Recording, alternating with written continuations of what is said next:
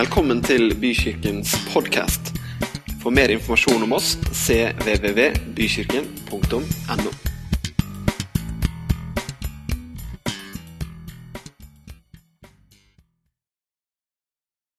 Ja, da har jeg gleden av å få dele noen ord her i dag. Jeg skal, jeg skal snakke om ord. Det er min overskrift i dag. Ord. Vi, hvordan vi snakker når vi snakker om det vi snakker om, og hva vi sier når vi sier det vi sier. Det skal jeg snakke om. Og da skal jeg begynne. Jeg liker ofte å begynne å lese dagens tekst. Og den er i dag henta fra Jakob, eh, brev, kapittel 3, og vers 2-6. Og der står det Alle snubler vi ofte. Den som ikke snubler og feiler med det han sier, er fullkommen og i stand til å holde hele kroppen i tømme. Vi legger jo bissel i munnen på en hest for at den skal lystre oss, og da kan vi styre hele hesten. Ja, stell store skip som drives av sterke vinder, kan med et lite ror styres dit styrmannen vil.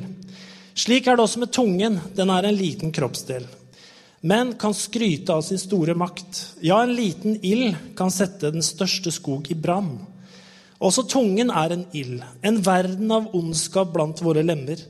Den smitter hele kroppen og setter livshjulet i brann, og blir selv satt i brann av helvete. Det var eh, sterke ord. Jeg har litt sånn feedback i monitor her, så det har vært deilig å slippe det. Eh, det var veldig sterke ord altså, som han, eh, Jakob bruker om den der, om tunga vår. Eh, og jeg, har, jeg vet jeg en eller annen gang i historien har fortalt den historien her før. Men jeg har en veldig sånn konkret erfaring med det med ror. Hadde, vi hadde en gang en snekke, en, en gammel tresnekke fra 1939 som het Antonie. Som var, ble omhyggelig pussa opp, og den var veldig fin. Det som er med båter, det er jo det at alle båter fungerer Hvis de starter, liksom, så fungerer de utrolig fint når det er havbleike. Når det ikke er vind, når det ikke er liksom sjø. Det er stille og rolig. Da går alle båter. Det funker. Og da er det ikke så farlig om motoren stopper heller, for det, er liksom, det skjer ikke så mye. Men når svakhetene blir avslørt i en båt, det er jo akkurat når det ikke skal bli avslørt. Det er når det er veldig store bølger, og det blåser veldig mye. Hvis det er en svakhet i båten da, det er jo da den svakheten kommer fram. Og det hadde vært mye hyggeligere om den kom fram når det var havbleike, men da skjer det ikke.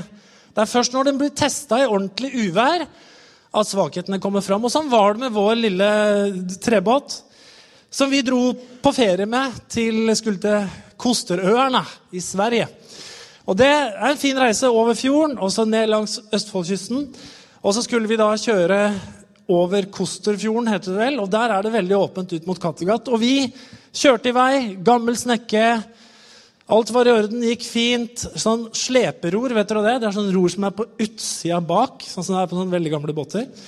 Og vi kjørte utover, og det blei jammen meg veldig store bølger der. altså. Det var mye mer enn vi hadde sett for oss. Så var jeg og Katrin, vi hadde ikke barn den gangen, og vi kjørte utover der. Men det gikk bra. Baugen rett mot bølgene. Ikke noe problem. Vi kutter igjennom, og så har vi en halvtime. Så er vi framme. Så skjer det noe som ble veldig dramatisk. Det var at plutselig så Så hoppa roret ut av hakket sitt bak der. Og, og det, det falt Jeg kasta meg over roret. eh, Rett og slett Bokstavelig talt kasta meg over roret bak på dekk der. Og fikk tak i roret. Og skjønte det at nå er det bare den, den lille pinnen der som står helt nederst på roret, under vann, som holder det roret her på plass. Fordi hele festet på midten hadde røket. Det ble ganske dramatisk, og Katrin lurte på hva er det som skjer. Jeg kan ikke si Det er bare roret som har løsna. Liksom. Det sånn Roret har løsna, og jeg blei jo kjempestressa. Og vi hadde langt igjen, og det var stor sjø. Og jeg fikk eh, på en eller annen måte spent opp beinet mitt oppå dekket bak der og holdt det her i spenn. Og det var ganske dramatisk. altså Jeg visste at hvis det hopper så mye nå, så har vi ikke ror. Og da går det gærent. Det kan gå veldig gærent. Da vil vi vri oss på sida. Vi vil få store bølger. Og det kan bli ganske utrivelig, kan du si. Jeg klarte å holde det roret i spenn hele veien med låret mitt og beinet på en eller annen måte. Jeg, var helt blå på innsida når vi kom fra. Men det var en sånn Tror du jeg sjekka roret neste år, liksom? Om det festet satt bra? Det skal jeg love deg. altså ved Noe jeg sjekka deretter, så var det er roret i orden. Er motoren i orden? For det, og Sånn er det med livet òg. Han sammenligner her tunga vår med det her lille roret. da. Og han sier at uh, han snakker faktisk om at det, det, påvirker kroppen vår. Det smitter hele kroppen. Altså Hele båten kunne jo gått ned pga. at det lille roret forsvant. Og med store skip er det jo enda verre. Tenk på disse enorme supertankerne. Det er ikke så stort, det roret som styrer retningen på det skipet. Og Det er ganske sterk tekst han har om at tunga vår, hva vi sier, hvordan vi snakker, det smitter hele kroppen vår. Jeg skal komme litt tilbake på Det det er ganske konkret, faktisk. Eh, smitter altså hele kursen som vi tar. Og det er kanskje sånn mange ganger at vi vi, er, vi, prater bra når alt er smult og det er stille farvann. Men når livets stormer kommer, da, åssen går det med tunga vår da? Ryker hengslene? Skjønner du hva jeg mener? går det gærent? Kommer vi helt ut å kjøre? Og kan vi krasje? Eh, han bruker veldig sterke ord. Han sier at tunga blir satt i brann av helvete. Det tror jeg er en sånn talemåte, da, ikke konkret egentlig, men en talemåte som snakker om at eh, det handler om hva vi sier. At det handler om at vi begynner å snakke om ting som at ting er fortapt. Eh, at ting, Vi snakker død, vi snakker negativitet, vi snakker om at ting er over. Det er liksom game over. Det er ikke, noe, det er ikke liv lenger. ikke sant? Det blir noe veldig negativt. Og han snakker om det her med at det starter med noe som er veldig lite, som blir til noe veldig stort. Han snakker om det lille roret, den lille tunga vår, som styrer hele oss, faktisk. Eh, han snakker om bislet i munnen på en hest. Det er jo ikke så stort, det bislet man setter i munnen på en hest. Men med det bislet så kan du styre hele den store, kraftige, sterke hesten. Han snakker om at en liten ild kan tenne en stor brann i en skog. altså kan tette, eh, sette fyr på en hel skog. Og Paulus snakker også om i Galaterne 5,9 at en liten surdeig det syrer hele deigen. Så med andre ord så er det, Han er liksom litt sånn nøye da, med at det, skal ikke tillate det der lille negative. Den der praten som ikke du skal prate, den kan spre seg og bli så mye mer enn det du tenker. Og jeg har faktisk jeg har, jeg har tenkt på det eh, mye. Hva, hva, sier jeg? Når jeg var ung, så tror jeg jeg bare prata litt mer. Jeg tenkte ikke så mye på det. Men jeg har blitt mer og mer bevisst på hva er det jeg sier egentlig. Hva sier jeg om mennesker? Hva sier jeg om eh, situasjoner? Hva sier jeg om settinger som jeg er i? For jeg vet at det jeg sier, det preger meg, men ikke bare meg. Det preger også mine omgivelser. For hvert ord vi sier, er det noe skapende med. Og For å ha litt sånn teologi bak det, så er det veldig interessant å tenke på hvordan Gud skaper, og hvordan Gud skapte. For vi kan noen ganger reflektere litt over når vi prater. Eh, hvorfor sier vi det vi sier? Vi sier det vi sier, det kommer vi litt tilbake til, men vi sier selvfølgelig det vi sier fordi vi har tenkt en eller annen tanke. Vi har noen tanker eller vi har noen følelser som gjør at vi prater. ikke sant? Og kanskje uttrykker de tankene og de følelsene. Men så er det spørsmålet hvor kommer de følelsene fra? Hvor kommer de tankene fra som vi har fått? Og Ofte så kommer jo det av ord. Altså Vi har hørt ting, ikke sant? vi har sett ting, vi har hørt menneskers fortolkninger på ting, og så begynner vi å si noe ut ifra det. Men det er en voldsom kraft, for Gud han har jo skapt mennesket i sitt bilde. Han har skapt oss i hans bilde, så vi på en eller annen måte, selv om vi har falt og har en syndig natur, så er det noe med oss mennesker som er, ligner på Gud i å fungere på. ikke sant? Og når Gud skaper, så ser vi det her, kan vel de fleste av dere veldig godt så er det sånn at uh, Gud skapte verden. Han hadde helt klart så hadde jo Gud en tanke. Han hadde jo en plan. Han hadde noe han tenkte, kall det en visjon, som han hadde når han skulle skape verden. Og når vi går inn i første Mosebok 1.3, så står det jo, uh, eller hele kapittel 1, så står det hele tida Da sa Gud det skal bli lys, og det ble lys. Og Gjennom hele det kapitlet så er det 'Da sa Gud'. Og Gud, Gud han tenkte vi må, vi, må ska, vi må, ha det, vi må ha det, vi må ha det. Og så sier han da sa Gud, og så ble det. Altså Det ble ikke noe substans før Gud hadde sagt det. Før han hadde uttalt det, før han hadde talt ordet. Og så kunne vi gravd oss ned i det med at et av navnene på Jesus er jo Ordet. Han er Guds ord. Ordet kom, ordet var fra begynnelsen. Ingen har blitt ting, ting har blitt til utenom ved han. Han var Guds ord. Så ordet er, det står sånn veldig sterkt i Bibelen. Det talte ordet. Og det er sånn Gud skaper. Gud tenkte, men det ble ikke substans. Det ble ikke skapt noen ting før han sa. Og der tror jeg vi kan flytte over, det kan vi, hvis vi leser gjennom Bibelen, på at det vi sier det skaper, det vi tenker, skaper ikke nødvendigvis. Det er når vi begynner å snakke om det, det er når vi begynner å si det og uttale det, at det blir noe substans av det. Og det, det bringer oss jo liksom videre til liksom det spørsmålet jeg vil snakke litt om. Hva er det som skaper din verden, da? Hva er det som skaper eh, vår verden, altså vår livsfære? Er det, er det først tankene våre, eller er det eller er det ordene våre? Er det liksom høna eller egget som kommer først? Jeg tenker jo at som jeg sa i sted, at veldig mye av det vi, vi, vi, sier det handler jo om, Noen ganger så har vi sånne eh, førstehåndsopplevelser. Da. Vi treffer noen som vi aldri har truffet før, som vi aldri har hørt om før, kanskje. Og så blir vi veldig dårlig behandla. Det går an å bli veldig dårlig behandla. Og så får vi en veldig negativ opplevelse. Kanskje den personen sa noe veldig dårlig til oss. Eksempel. så får vi en negativ opplevelse, og så, så, bringer vi jo den følelsen med oss videre. ikke sant? Og når noen spør ja, hvordan var det å treffe han eller henne, så sier vi kanskje nei, det var ikke spesielt bra. Det var sånn og sånn. ikke sant? Og så, og så snakker vi bare om det negative. Og da, den som har hørt på oss, han vil jo da høre om det. Og så kanskje fortelle det videre. Jeg har hørt at han og hun er veldig ikke sant? Og så er det bare det vi ser til slutt. da. Eh, og det er noe med det her som Bibelen snakker en del ganger om, at baktalelse det kan gjøre folk rundt oss så dårlige. Altså, har, eh, Vi har jo sett det sikkert alle sammen, av hvordan, hvordan det blir en sånn selvforsterkende profeti. da. At én person baktaler en annen. Og man sitter og nikker, og vi er jo veldig ofte høflige. Vi gir veldig lite motstand, ofte på baktalelse. Så ja, sier du det, ja?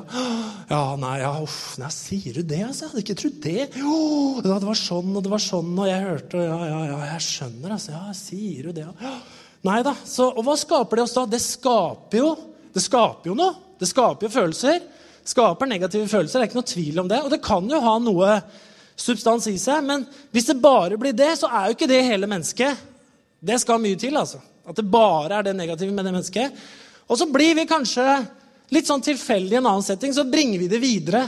Og vi bringer den følelsen videre. Og så tenker jeg da, Hvis vi er fire stykker da, som har på en måte nikka og vært forferda og rista på huet og liksom ille og alt det her, så treffer vi denne personen. Vi fire som har vært litt sånn bak, baktalt. da. Og hva, hva, hva, møter den personen da, hvis den treffer fire stykker som har baktalt den? Han vil jo kjenne det.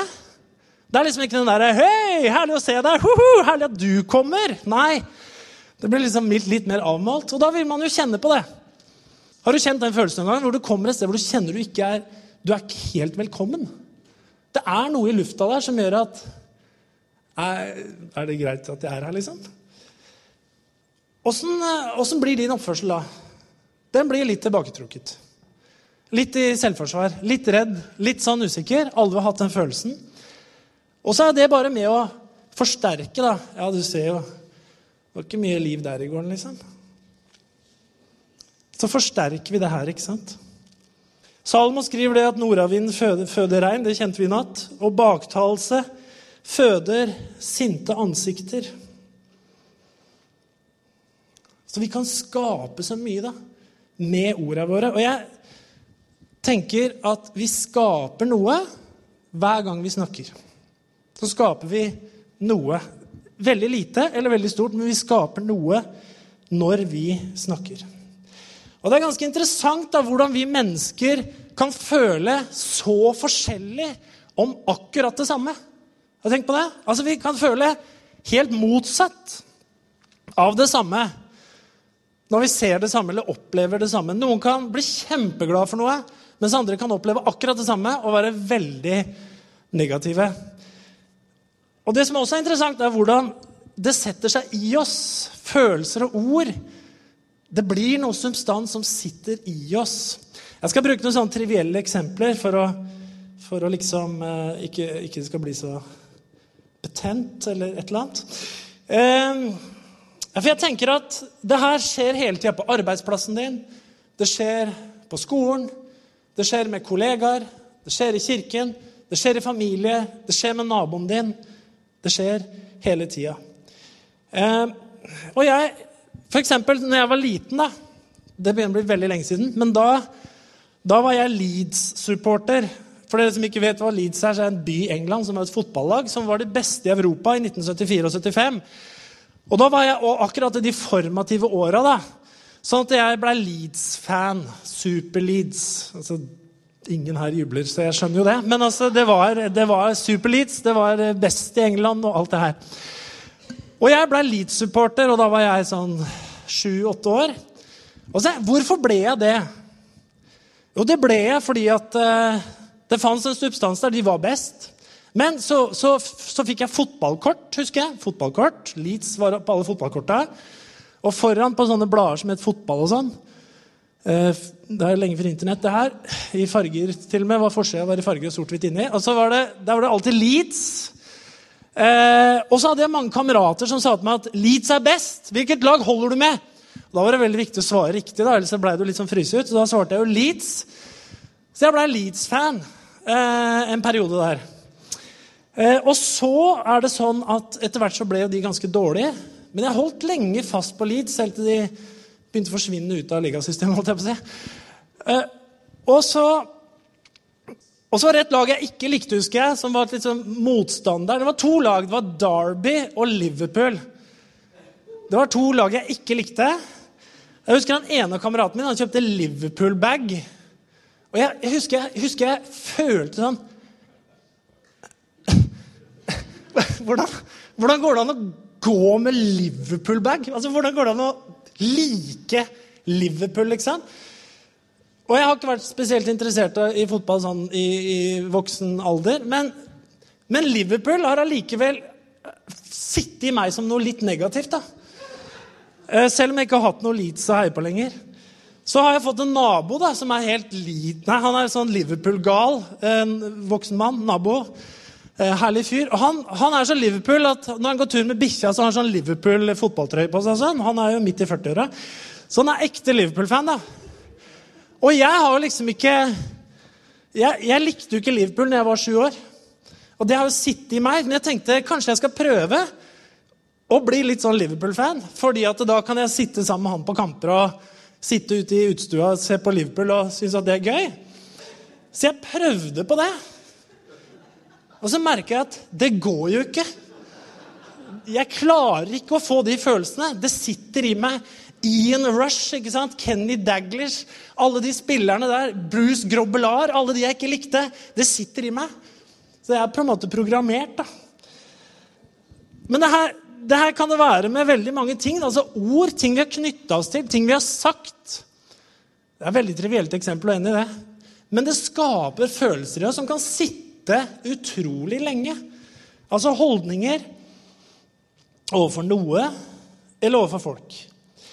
Jesus han snakker om ord. Og det Kanskje det her var veldig unyttig, det jeg sa nå.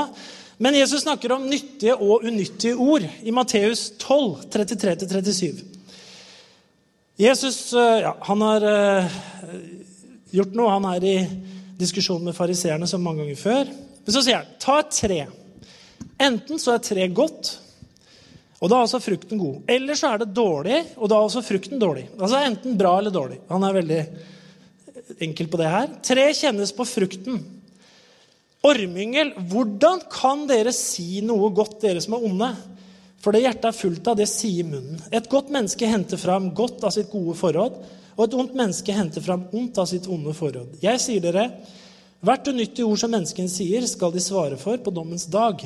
For etter dine ord eh, skal du kjennes rettferdig, og etter ordene dine skal du dømmes skyldig. Dere har sikkert hørt det verset her, veldig mange av dere. Men det høres jo veldig strengt ut. Altså, Hvert unyttig ord du sier, skal du dømmes for. Og det har jeg tenkt litt på. Hva, hva er det? Jeg tenker at det må ha med det Jakob snakka om først, alle de her negative tinga. Fordi at eh, det er, det er, helt nyttig å si 'Kan du ta oppvasken i dag, kjære?' Eksempel. det er veldig nyttig å si. Eh, altså, det er mye man kan si som er helt sånn dagligdags nyttig. Eh, men ting som bygger opp, da. Det er kanskje ikke så byggelig å si, men det er nyttig i hvert fall. ikke sant? Men altså Jesus ønsker at vi skal si eh, gode ting. Og han sier det hjertet er fullt av, det, det renner munnen over med. Det er det, vi, det er det, vi, sier. Så er det veldig viktig da også bevare hjertet. Det har vi jo hørt nevnt tidligere. Frank leste. Bevar ditt hjerte fremfor alt du bevarer. Og hvordan bevarer vi hjertet vårt? Fordi at det er forunderlig hvordan noen mennesker, uansett omstendigheter og hvor kjipt ting må være, klarer å spre noe godt. Klarer å være positiv. Da mener jeg ikke sånn overfladisk positiv. man bare snakker masse positive ord uten innhold. Du kjenner at de kan bringe noe positivt inn i situasjoner hvor det egentlig er veldig kjipt. Og så er det like fantastisk å merke noen ganger hvordan mennesker som er i en fantastisk situasjon, hvor egentlig alt er veldig hyggelig, klarer å bringe inn eder og galle og gørr og det som verre er. Nesten uansett. Og de skjønner ikke sjøl engang. Og det har noe med, med, hjertet vårt, for det flyter ut av munnen vår. Og, og Salomon sier Han gir oss et veldig godt råd på det i forhold til det her. I Salme 1 Eh, David, mener jeg. Salme 1, vers 1-3 sier salig er de som ikke følger lovløses råd, som ikke går på synderes vei, og ikke sitter i spotteres sete. Men har sin glede i Herrens lov og grunnen på Hans lov dag og natt. Han har like tre plantet ved rennende vann. De gir frukt i rett tid, og løvet visner ikke. Alt han gjør, skal lykkes. Og det her, er, det her er veldig sterke vers, som sier det at det går an å leve på en måte hvor ting lykkes, hvor det går bra. Selv om det kanskje ikke ser sånn ut, så kommer det å gå bra for deg. Eh, og det er som å plante, være planta som, som et tre ved, ved, rennende vann. Og det går bra. Du bærer frukt. Også når det liksom ikke er ordentlig sesong, så bærer du frukt. Og det handler om det her som ikke går på synderes vei og ikke sitter i spotteres sete. Og det handler om hva er det vi lytter til? Hvem er det vi lytter til? Det er et sånn moderne fenomen som kom nå, som er å være en influencer. Eh, det er ikke alle de du skal høre på, kanskje. Men altså, du kan være en sånn influenser. Ikke sant? Ikke nødvendigvis med egen blogg, men kan være det der du er. Og ikke minst, hvem er det du lytter til?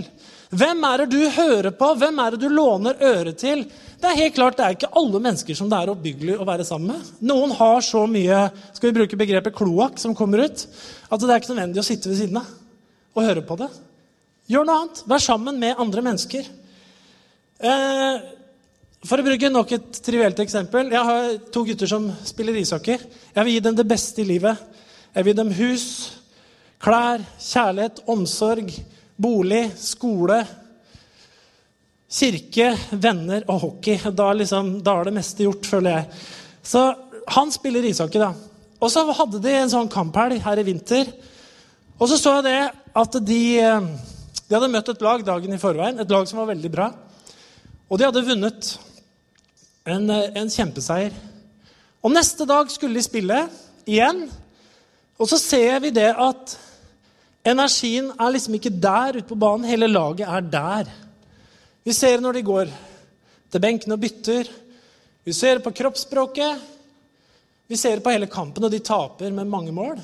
En kamp som de vant dagen før. Og når jeg henter han ut av garderoben, eh, etterpå, eller han kom ut av garderoben, så sier han det første han sier til meg, er 'Pappa, neste kamp kommer jeg ikke til å være med på. Gidder ikke å være med. Kommer ikke til å være med. Uh, jaha? Det gjør man jo ikke, ikke sant? Uh, jaha? Hva, hva er det som har skjedd? Det er så negativ atmosfære på benken. Det er så negativ atmosfære at jeg orker ikke å sitte i det. det er, jeg kommer ikke til å spille før det her er ordna. Og da, da, var det ikke bare han som hadde opplevd det, men da var det et, par spillere som ikke hadde vært med dagen før, som hadde kommet inn. Og de hadde begynt å klage på medspillerne sine, kjefte på benken, banne og sverte, skjelle ut, drite ut. Holdt på, ikke sant? Hva skjer? Hele laget går ned fem hakk, og de taper. Hvorfor det? Fordi to stykker begynner å prate masse negativt. Og det her kunne vært oversatt til hvilken som helst eh, livssituasjon hvor du blir utsatt for negativt prat. utsatt for negative budskap, utsatt for negative ord som drar deg ned. Og jeg er helt enig med han. Det var ikke noe vits å spille neste kamp hvis ikke det ble ordna. Det ble ordna, og det gikk veldig bra videre. Men det var jo en lærepenge. Eh, og det er jo det er jo noe igjen da, med at vi kan gjøre mennesker rundt oss så mye dårligere enn det de er. Vi kan gjøre omgivelsene rundt oss så mye dårligere enn det de er, fordi vi snakker ting ned. Vi prater død istedenfor å prate liv. Og Hvis vi skal gå på det med kroppen, så viser jo forskning det at kroppen yter jo mange prosent bedre hvis vi er glad, enn hvis vi er nedfor. Kroppen yter jo mange, mye bedre ikke sant? Når vi er positive, enn når vi er negative. Det er bare rent sånn kroppslig, og det er faktisk det som Jakob sier. De ordene våre smitter hele kroppen. Så hvis du hører sånne skiløpere som går disse beinharde worldcuprennene, så, så er det jo sekundanten på sida som er så viktig. Når de er på vei De står jo alltid i bakken, har du lagt merke til det? De løper jo opp bakken ikke sant? ved siden av, for der er det tøft. Og hva sier skiløperne? Han sier jeg, jeg må jobbe for ikke å få negative tanker. Jeg må holde positive tanker oppe. Og da er liksom målet at sekundanten skal kunne si noe positivt. Du er nå bare ti sekunder etter! Det var tolv sekunder i stad! ikke sant? Så får man det lille kicket, og så yter man bedre. Hvis det har gått dårligere, så sier man kanskje ja, nå er du 15 sekunder etter, men du har dratt fra han på tredjeplass med 20! Ja, Da er det litt positivt, da. Og så går vi, ikke sant? Det er jobben deres. Fordi at vi fungerer mye bedre når vi får gode budskap enn negative budskap. Derfor så sier Paulus i Romerbrevet 1210 1930-oversettelsen. Det er veldig gammelt. Det er fordi at jeg liker det siste som står der så godt. Det står 'Vær ømhjertet mot hverandre i broderkjærlighet'. Kappes om å hedre hverandre. Og det er, det er noe han var liksom, Når han skriver Rombrevet 12, 11, 12, 13 her, så skriver han jo veldig mye om hvordan kirken skal være mot hverandre. Hvordan man skal oppføre seg og leve sammen. Det er det de kapitlene handler om. Og da er det en av de tinga kappes om å hedre hverandre. Og mange steder så fins det en sånn hederskultur hvor man snakker vel om hverandre, hvor man hedrer, hvor man snakker opp. Og så skjer det noe som er veldig livgivende i det miljøet. Det kan være helt motsatt i andre miljøer hvor man snakker ned, man finner feil, man leiter etter feil, man forsterker feil. Og så blir det et helt annet resultat. Og så kan man si ja, men jeg har jo bare snakka helt realistisk. Jeg har bare beskrevet hvordan det er. For her er det skikkelig dårlig. Så da må vi jo si åssen det er. Ja, men det skaper det enda mer. Skjønner du? Det skaper det her enda mer. Det er jo sånn her at Når det gjelder å være positiv, så tenker jeg at det skal ikke være noe sånn overfladisk. Det må jo være en substans bak det. Og Jesus snakker om Jesus snakker om noe på en veldig uh, positiv måte. altså. Veldig, liksom. Han snakker om å snakke til fjell. I Markus 11, 22-25 så sier Jesus.: Ha tro til Gud. Sannelig sier jeg dere, og noen sier til dette fjellet, sier til dette fjellet, løft deg og kast deg i havet, og ikke tviler i sitt hjerte, men tror at det han sier, vil skje, da skal det også gå slik. Derfor sier jeg dere, alt dere ber om i bønnene deres, tro at dere har fått det, og dere skal få det. Men når dere står og ber og har noe, noe å anklage en annen for, så tilgi ham, for at deres far i himmelen kan tilgi deres misgjerninger også. Det, det, er veldig rart på en måte det Jesus sier her. fordi at Han sier at hvis, hvis du står ved et fjell Det er på en måte billedlig talt, men det er også veldig konkret. Så skal du kunne si Løft deg og kast deg i havet. Og hvis du tror at det du sier skal skje, ikke tviler i hjertet ditt, da blir det sånn. Det er ganske sterkt. Så har det vært brukt på litt forskjellige måter. Men eh, det er jo på en måte billedlig talt. Man bruker et veldig sterkt bilde.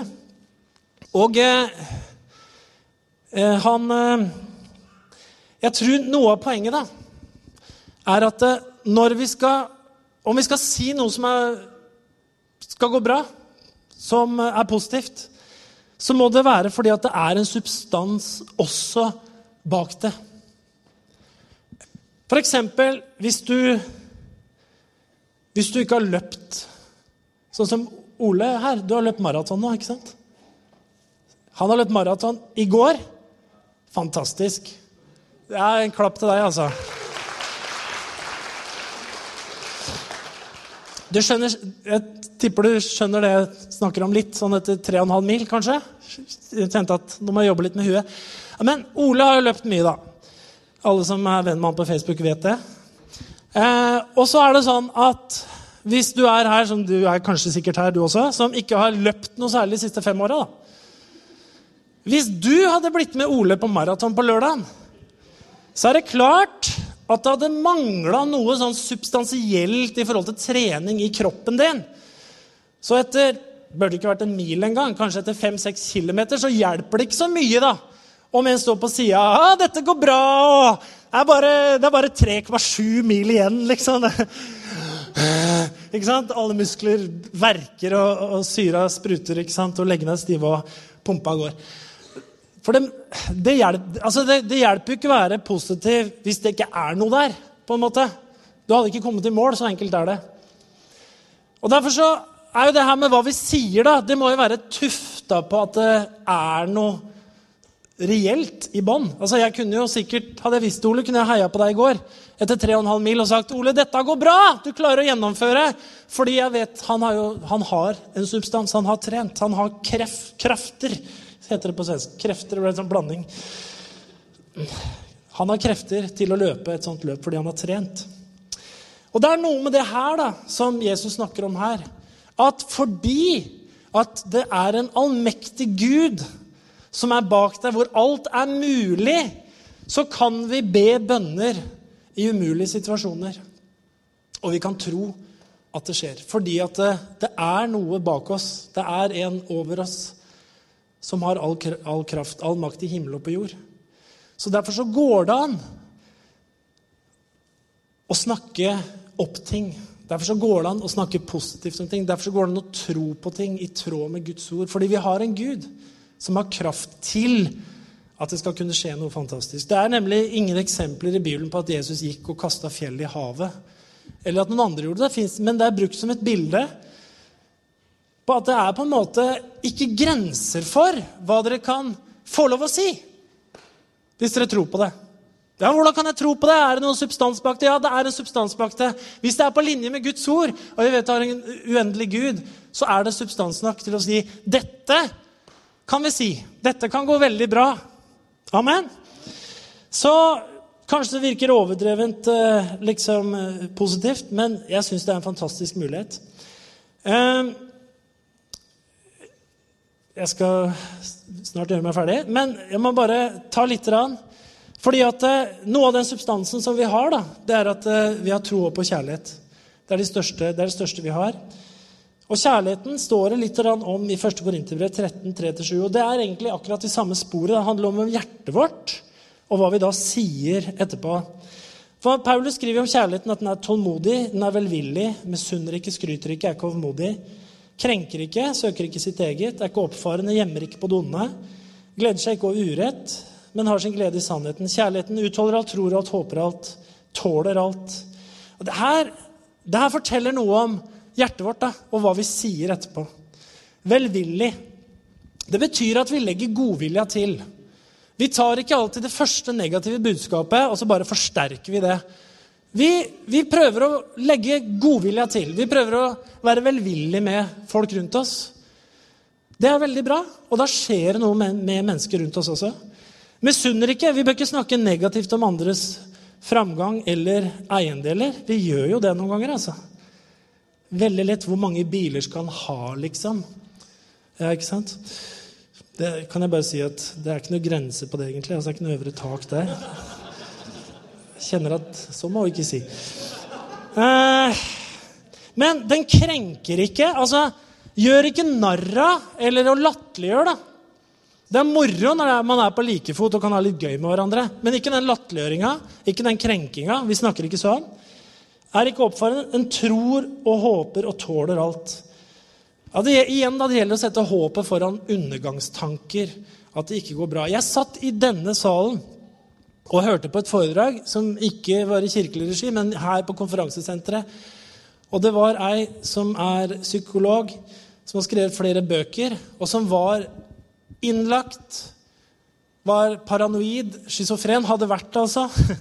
I unge år til hun var langt opp i vok voksen alder. Var erklært som et håpløst tilfelle.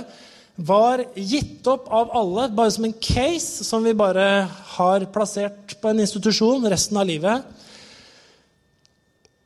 Hun var kjempesyk, rett og slett.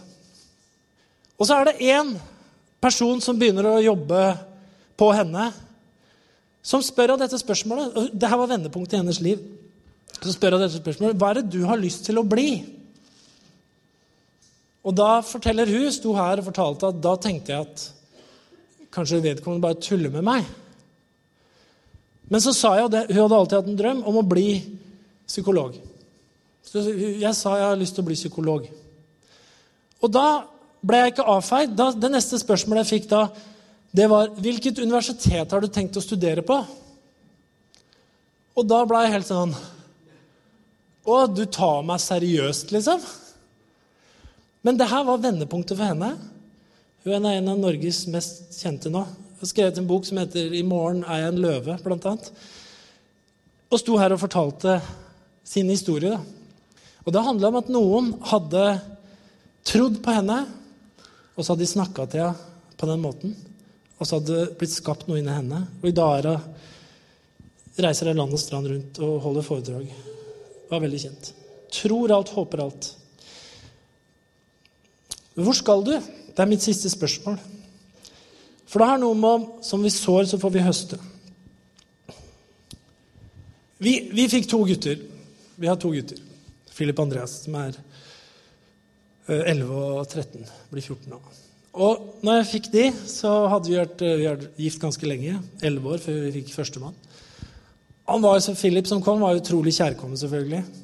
Og som alle andre foreldre fikk han i armene på sjukehuset.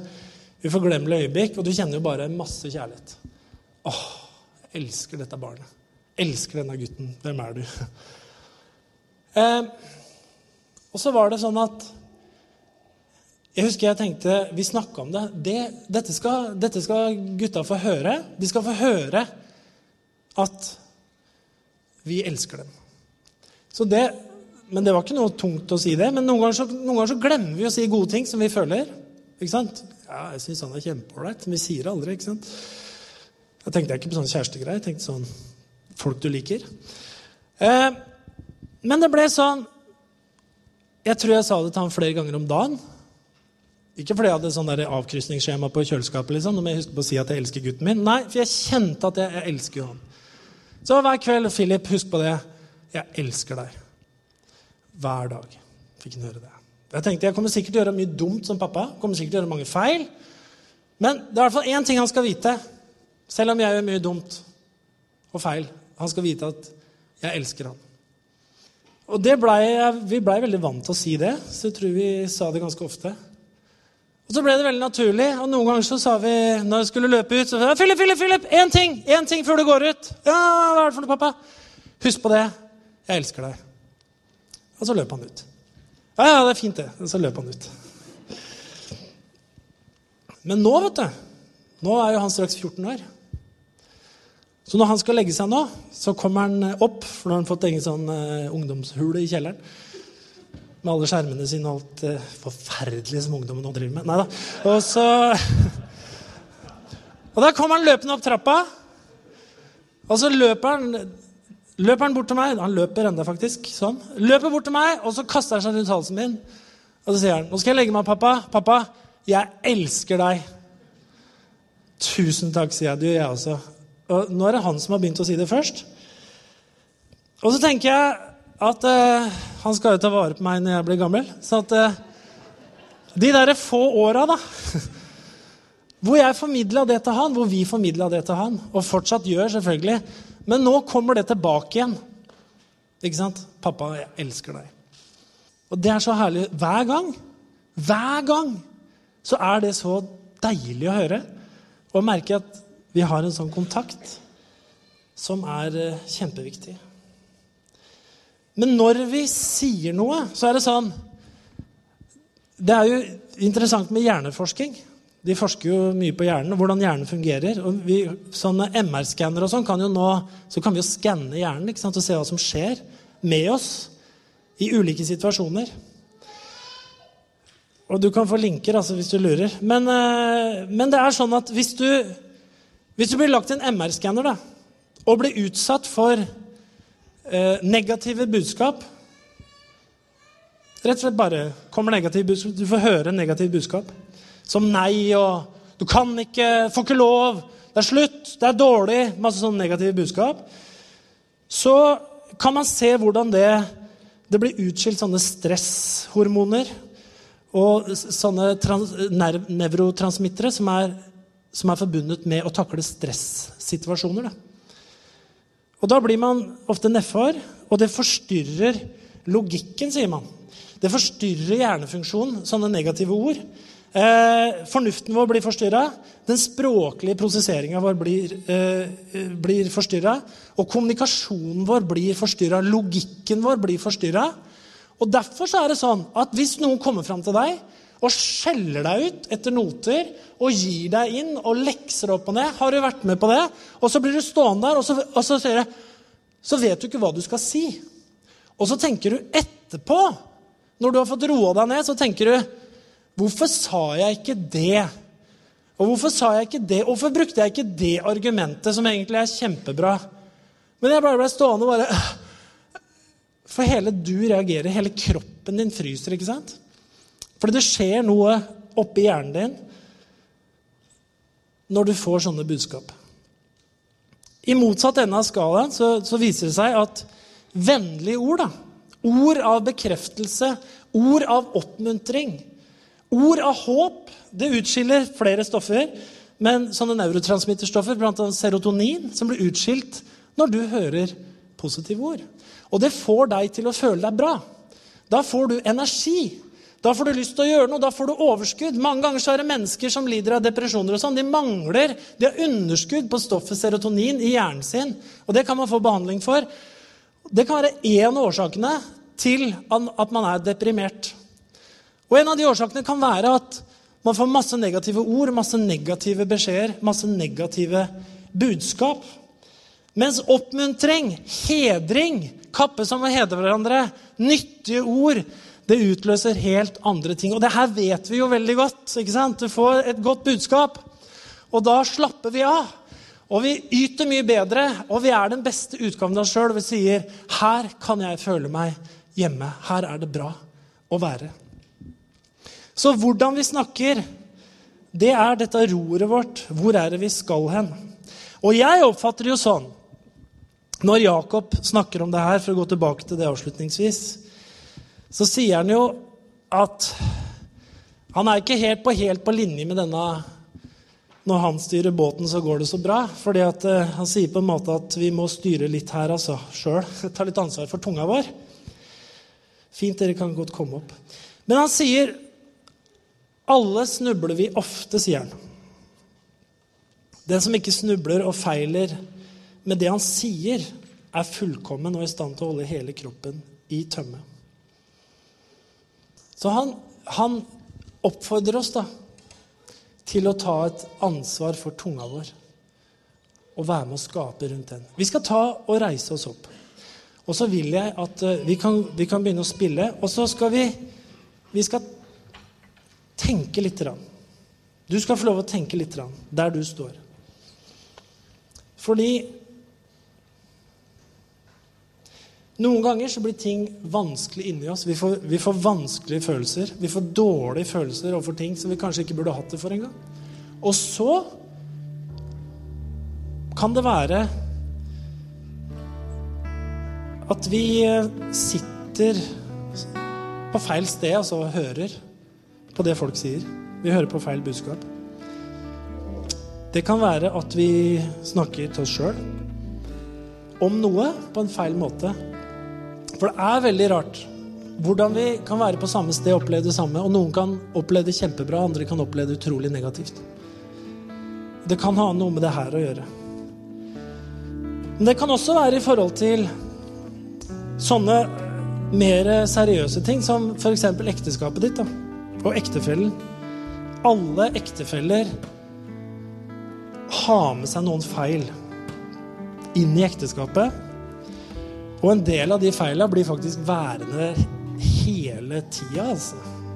Resten av ekteskapet, til døden skiller dere av, så blir det ikke ordnings på det der. Sånn er det bare. Og da er spørsmålet hva sier vi da om ektefellen vår? Jeg veit at jeg har eh, feil og uvaner som eh, sikkert eh, kona mi irriterer seg litt på noen ganger. Men jeg vet én ting. Hun går ikke og snakker dårlig om meg. Det gjør hun ikke. Det er jeg glad for. Og jeg veit at hun har ting som jeg irriterer meg litt på. Kan forresten liksom aldri sette kjelene riktig i kjeleskapet og sånn. Men jeg går aldri og snakker negativt om henne. For hun er helt fantastisk. Jeg går aldri og snakker negativt om henne.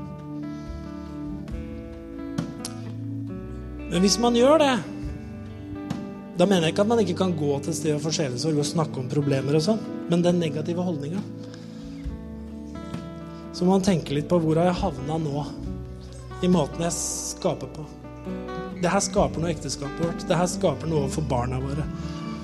Eller om barna dine. Eller om kollegaer. Eller om sjefen din. Eller om kirken din. Eller om hvem som helst. Så Herre, vi takker deg for at du har skapt oss i ditt bilde. Vi takker deg, Herre, for at du har gitt oss eh, forvalteransvar i denne verden. Vi takker deg for at ikke vi ble skapt som eh, roboter eller vesener som ikke kunne tenke. Men du skapte oss med ansvar. Du skapte oss med evner, du skapte oss med talenter til å skape, til å gjøre noe med verden rundt oss. Og jeg takker deg for at du ga oss tunga som vi kunne velsigne med. Og takk for at du, du ønsker å hjelpe oss med Den hellige ånd og ditt ord, så vi kan holde den i tømme. Sånn at hele kroppen vår, sånn at hele livet vårt kan gå i riktig retning, Herre. At ikke vi blir tatt av livets bølger. At ikke vi blir slått over ende. Vi takker deg for det, Herre. Og så ønsker vi å stille oss innenfor deg akkurat nå, der vi står, og la deg tale til oss om det er områder av vårt liv hvor vi skaper negativitet istedenfor positivitet, Herre. Hvor vi skaper død istedenfor å skape liv. Ta ett minutt, bare et langt minutt, og stå her litt, og så tenker du Si bare 'Herre, tal til meg'. Lys litt på livet mitt om det er noe med dette som jeg burde gjøre annerledes. Kan det være baktalelse? Kan det være noe i forhold til ektefelle? Kan det være noe i forhold til barn? Kan det være noe i forhold til familie, venner, naboer, kollegaer, jobb, kirke? Det kan være så mange områder. Bevar ditt hjerte fremfor alt du bevarer, for livet utgår fra det.